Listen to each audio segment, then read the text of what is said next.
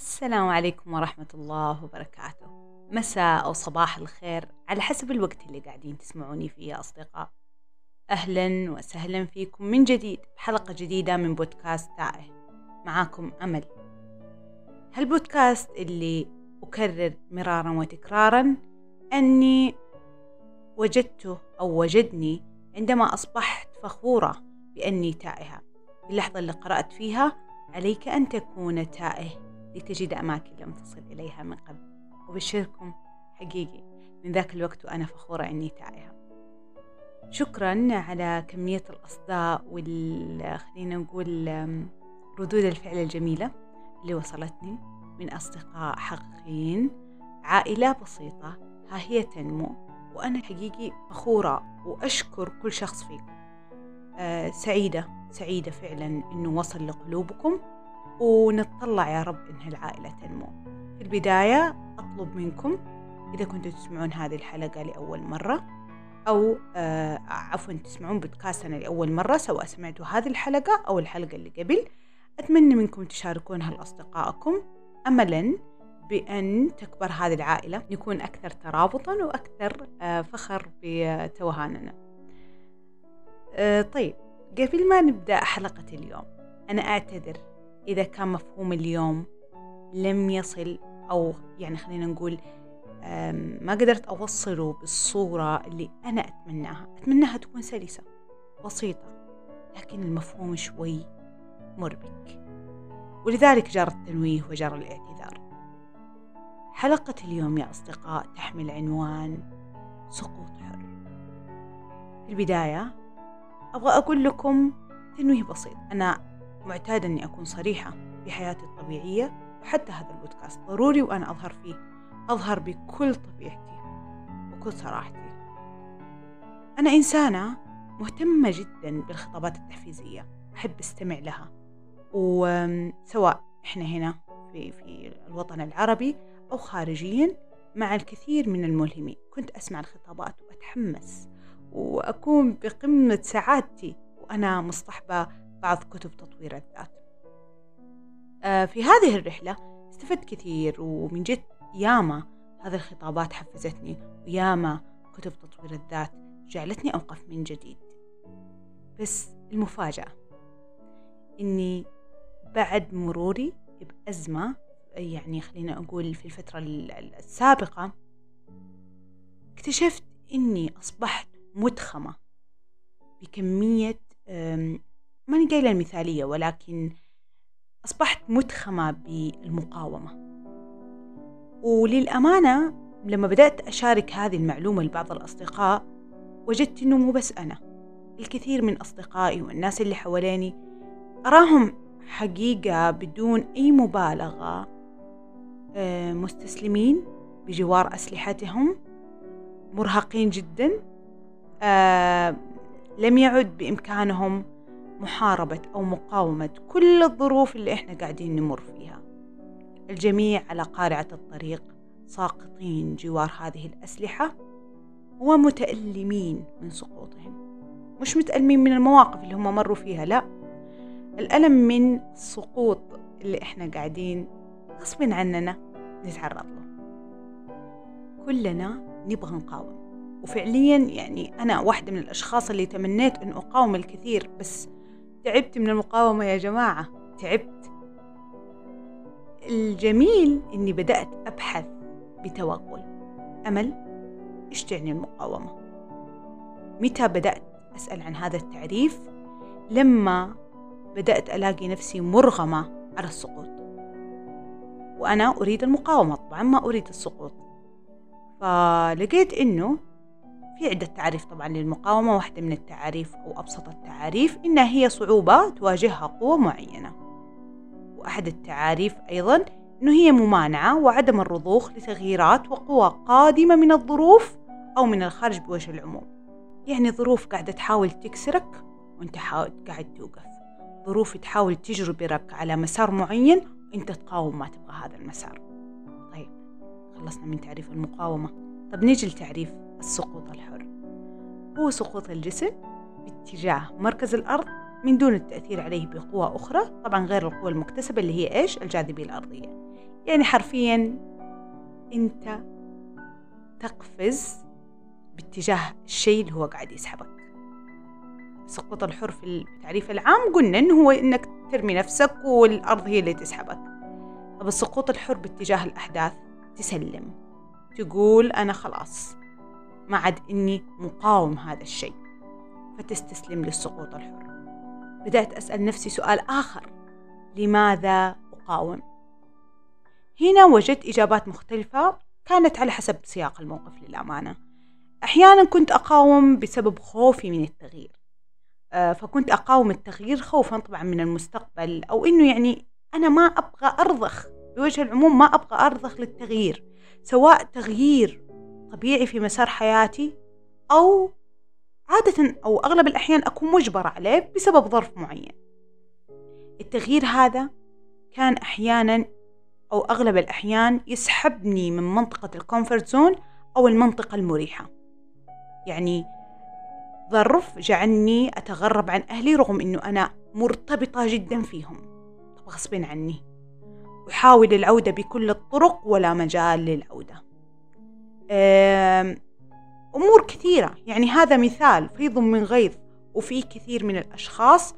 لديهم الكثير من الظروف اللي أكثر مني وأقوى مني بس بوجه العموم أنا الآن ماني في مجال مقارنة. المهم هو ظرف أجبرك على ألا تقاوم. وأنت داخليا تبغى تقاوم.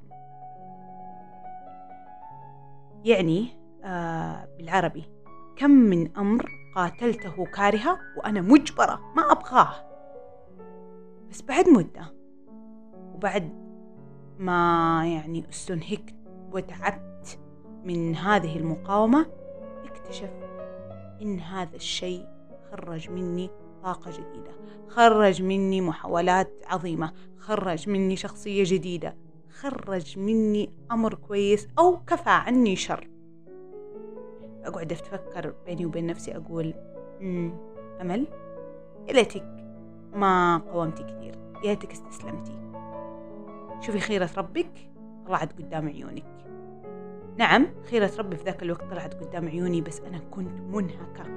مش منهكة من اللي حصل أبدا أنا منهكة من المقاومة وأعلم ذلك يقينا. خلوني أشرح الكلام اللي أنا قاعدة أقوله شويتين. في مقولة للأب الروحي لي غازي القصيبي رحمه الله. قرأتها في وقت أنا كنت منهكة وشايل الدنيا على أكتافي.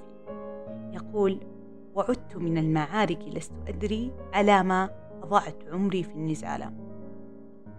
هذه المقولة خلتني أفكر كثير. أمل. المقاومة هذه اللي أنت قاعدة تقاومينها. والمعارك هذه اللي أنت قاعدة تدخلينها. هل تستحق أن تكون معركة؟ تضيعين فيها عمرك وهل أصنفها أصلا كمعركة هنا وقفت للأمانة ما عرفت أجاوب هل عدم مقاومتي أصلا تعتبر استسلام؟ هل أنا لازم أوقف وأستسلم؟ بالعربي هل عدم مقاومتي تعتبر استسلام؟ فكرت بهذا السؤال للأمانة يعني احترت كثيرا بس وصلت الجملة أو لفكرة إنه ممكن إنه لا بأس إنه أستسلم. أحيانا مش فقط أنا لازم أستسلم للسقوط بل أحيانا يجب أن أسقط. وخلينا نقول إنه هذه الفكرة لما جتني كانت مريحة جدا. باختصار هي ما هي نوع من الكسل؟ هي تسليم. تسليم. يجعل مني شخص يريد أن يعيش الضعف كامل الضعف الطبيعي للإنسان لأني طبعا ماني ملاك. وبالتالي الفائض هذا اللي خرج مني كشخص بني آدم أتعبته وأهلكته هذه الظروف الفائض اللي خرج مني بالتسليم هذا قد يعيد إلي السلام قد يعيد إلي التوازن. إذا هذا الوقوف أو هذه اللحظة اللي أنا وقفت فيها ما يعني أنه أنا استسلمت. يعني أني أنا اكتشفت أن الظروف بهذا الاتجاه ومقاومتي احتمال ما يكون منها فائدة والمعركة هذه أو هذا الشيء لا يستحق أن يكون معركة كبيرة. إذا هد اللعب أمل. استسلمي. اختصار استسلمي. الظرف هذا الأمر هذا مو راضي يحصل. الشيء اللي أنا بذلت فيه الكثير من المجهود مو راضي يترتب معايا. طيب خلينا نجرب نتخلى. نوقف شوي. نشوف من بعيد. نتفرج على الموقف كمشاهدين مو كأشخاص ضروري ومجبرين إننا نسوي رد فعل. طب هذا الكلام اللي أنا أقوله مو دائما يصح أو مو دائما يكون مثالي. أحيانا بعض المواقف تتطلب مننا إنه إحنا نقاتل من أجلها وبعض المواقف والأحداث تتطلب الاستسلام. طب أنا كيف أعرف الفرق ما بينهم؟ تعرف الفرق ما بينهم بالمعطيات. أعطيكم مثال عشان تفهمون. شخص آه خلينا نقول إنه هو في المجال الصحي ويبغى يكون موظف في المجال الأكاديمي. سوى كل اللي عليه قدم آه خلينا نقول مثلا كمل رسالة الماجستير حقته آه أو التحق فيها. ممكن يكون كمان أيضا ما ترك جامعة في السعودية أو خارج السعودية إلا وقدم عليها. سوى كل حاجة يقدر عليها حرفيا. لكن إيش اللي قاعد يصير؟ هذه الوظيفة تيجي لين طرف يده ثم تختفي. يكون معدله عالي مقارنة بالأشخاص الآخرين في في يعني في أفضل حالاته. المفاضلة شبه إنها ترسى عليه ثم يحصل حاجة ويغير مسار هذا الأمر ويعود هذا الشخص لنقطة البداية. لو كان هذا الشخص يقول لي والله أنا قاعد أعمل بالأسباب لكن أنا ماني متعلق في هذا الهدف يعني أنا داخليا أقول يا رب إنها تصير وإن شاء الله إنها خير إنها تصير بس لما ما تصير والله عادي أقول ماشي. عدت. يعني لي محاولة جديدة إذا لي خيرة توصلني. هذا راح أقول له تمام برافو عليك. وشخص آخر نفسه هو بنفس القصة هذه لكن يقول لك أنا إنسان منحوس يقول أنا إنسان يعني حظي جدا سيء. أنا ما هو راضي هذا الشيء يصير معايا. آه الواسطات سوت وسوت. يعني يقعد يلوم ويندب في حظه ويؤجل كل سعادة حالية إلى أن يتحقق ذاك الهدف اللي قاعد خلينا نقول يصير أصعب كل ماله. ومع كذا هو قاعد يؤجل سعادته يأجل سعادته يأجل أفراحه يؤجل الأبواب اللي قدامه مفتوحة يشوفها بطرف عينه. هنا في باب مفتوح جديد هنا في بوزيشن أفضل هنا في وظيفة أفضل. وهو يضيع كل هذه الفرص أملا بتلك الفرصة اللي عمرها ما كانت له احتمال ما تكون له. هذا الشخص احتمال بعد سنوات لما تجي هذه الوظيفة ويدخلها يقول أنا ليش كنت أحارب؟ يمكن لو كنت في مكاني كنت أسعد. يمكن لو أخذت الفرصة هذيك الثانية اللي أنا كنت ماني معطيها وجه كان ضبطت يبدأ هذا الشخص يستوعب إنه أهلك نفسه في معركة خاسرة. خاسرة. حرفيا يكون وعدت من المعارك لست أدري على ما أضعت عمري في النزالة حرفيا معركة هو ما كان كان يقاتل فقط لأنها هي قاعدة تعانده وهو قاعد يقاوم وما يبغى يستسلم إنه هذه الفرصة كان من الخيرة إنها ما تكون بين يدينه. وفي اللحظة اللي وصلته. أو إنها لا والله ما توصل ويقعد طول عمره هو يتحسر على هذه الوظيفة. وظيفة الأحلام اللي كانت هتجيب له السعادة يظن ذلك. بينما كل ما كان يحتاجه للسعادة كان بين يدينه. كل الفرص اللي هو كان يفوتها كانت تحمل له الكثير والكثير والكثير. هذا الشخص ما كان فقط يعمل بالأسباب ويقول يلا الله يسرها وإذا ربي كاتب لي فيها خير لا. كان كل عام يذبل عن العام الذي يسبقه. كان ينتظر الفرح على هيئة هذه الفرصة على هيئة هذا الشخص على هيئة هذه المحاولات كانت معركة اختارها بتعلق تعلق في هدف تعلق في شخص. هذا الشخص وصل لمرحلة أنه سعادته أصبحت مربوطة بهدف. هو داخليا يظن أنه هو راح يجلب له السعادة والحقيقة أنه لا ما كان هذا الشيء الصح. سألنا سؤال في تويتر آه، عما يهدد استمراريتكم تجاه أمر معين. العجيب أنه هذا السؤال طبعا آه، عدد الناس اللي صوتوا لي الأمانة قليل ولكن كان فيه إجماع بنسبة 100% أن ما يهدد استمراريتكم اتجاه أمر معين هي الصعوبة وليس السهولة. الشدة يعني. آه أنه أنا كثير انذهلت أنه ما في حتى تباين في الإجابة هذه. بينما أنا مؤمنة بشيء مختلف تماما. مؤمنة إنه الشيء لما يجينا بسهولة يذهب بسهولة.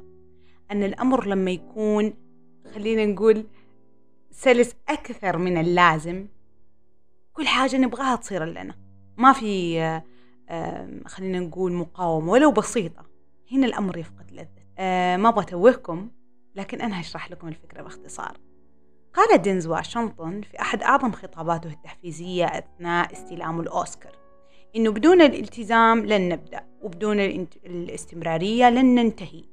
ويجب أن نستمر بالعمل والسعي ولا نستسلم. ولو سقطنا سبعا لننهض بالثامنة.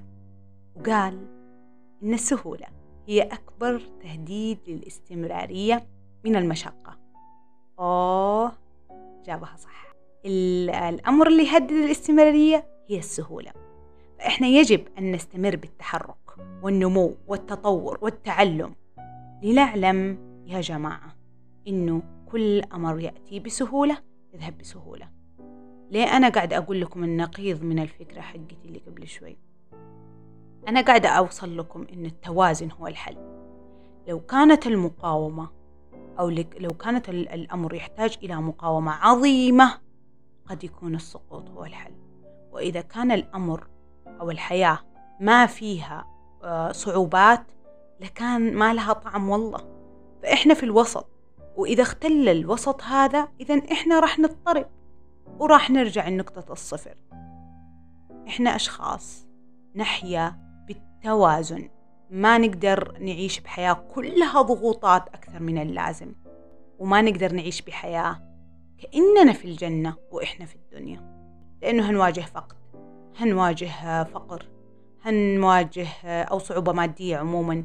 هنواجه أشخاص سيئين لأن الدنيا فيها ناس سيئة. طب إحنا كيف نجابه هذا كله إذا كان إحنا خلينا نقول كل حاجة تجينا بسهولة وبراحة وفي فمنا على قولهم ملعقة من ذهب. حتى من في فمه ملعقة من ذهب يواجه صعوبة من نوع آخر إحنا ما نعرف إيش فيها فلنعلم يا جماعة أن لطف الله ينزل بالعبد مع الابتلاء والصعوبات. وإن الشخص متى ما تصور الإبتلاء أو الضيق أو الكدر حرم نفسه من فكرة الرحمة اللي تجي معه. واعرف إنه أعظم أوجه اللطف هي الأرواح اللي تحيط فينا اللي تخلينا نتوازن. يعني الرحلة بدون هذه المقاومة البسيطة ما لها طعم. لكن بنفس الوقت راجع حساباتك إذا كانت المقاومة في حياتك أكثر من اللازم. في تلك اللحظة يا صديقي ممكن أنك تحتاج لحظة سقوط حر. سقوط حر يعيد لك التوازن يا صديقي. آه خلينا نقول إنه قد يحيا الإنسان أحيانا في حياة الآخرين بحياة الآخرين. آه أعني إنه أنا قبل فترة كنت أتأمل بأشخاص حواليني وكنت أقول إنه يا الله لكل شخص منا معركة. حقيقي لكل شخص منا معركة. والعجيب إنه قد أنا لا أتحمل معركة فلان وفلان لن يتحمل معركتي. فالله أعطى لكل إنسان أدوات تعينه على المصاعب اللي في حياته. ربنا ولا تحملنا ما لا طاقة لنا به. طيب إيش هي الأدوات اللي الله ممكن يهبني إياها حتى أنا أتحمل هذه المصاعب؟ قد تتمثل ببساطة بأهل سند وظهر. أو أصدقاء. يمدون لنا أيديهم وتسعنا أكتافهم بدون أي كلام. أو ممكن تكون عبارة عن قوة داخلية قاعدة تسندنا في كثير من الأحيان. القوة هذه قادمة من التوازن وتهدينا للتوازن أيضا. تعلمت حقيقي أنه لقاء الأصدقاء ما هي رفاهية أبدا والأهل كمان هم ركن شديد نأوي إليه. تعلمت أن البكاء على السجادة نهاية اليوم في صلاة وتر وإنت ما ترجو من بعدها صباح من كثر اليأس في تلك الليلة هي النور والسرور. تعلمت أنه الإنسان ما راح يتعلق بشيء إلا وجاه الامتحان فيه سواء تعلقت بأهل بأصدقاء بأحداث بفكرة بمنصب راح يجيك الامتحان فيها. فالحل تعلق برب هذا كله ولا تتعلق بهذا أو بكل هذه الأشياء. للأمانة الآن أنا في فترة سقوط حر فليذهب عني كل أمر تمسكت فيه وليذهب مني كل أمر تعلقت فيه. خلي الفرص تمشي وخلي الأشخاص يمشون. المهم أن يبقى بداخلي من يستحقني فقط. شكرا لاستماعكم ووصولكم إلى نهاية البودكاست وأتمنى أنه نوصل لمرحلة التوازن. توصلون وأوصل لأنه كلنا نحتاج هذه اللحظة. اللحظة اللي إحنا نقول السعادة مني وإلي. أرجو منكم إنكم ترسلون هذا البودكاست للأشخاص اللي أنتم تعزونهم وتحبونهم واللي تتمنون إنكم توصلون معاهم لذاك التوازن. أرسلوها للشخص اللي قد يعينكم أحيانا على تخطي هذه المرحلة والوصول إلى التوازن والاتزان. أحيانا نحتاج القليل من المقاومة وأحيانا نحتاج السقوط الحر. في أمان الله يا أصدقائي.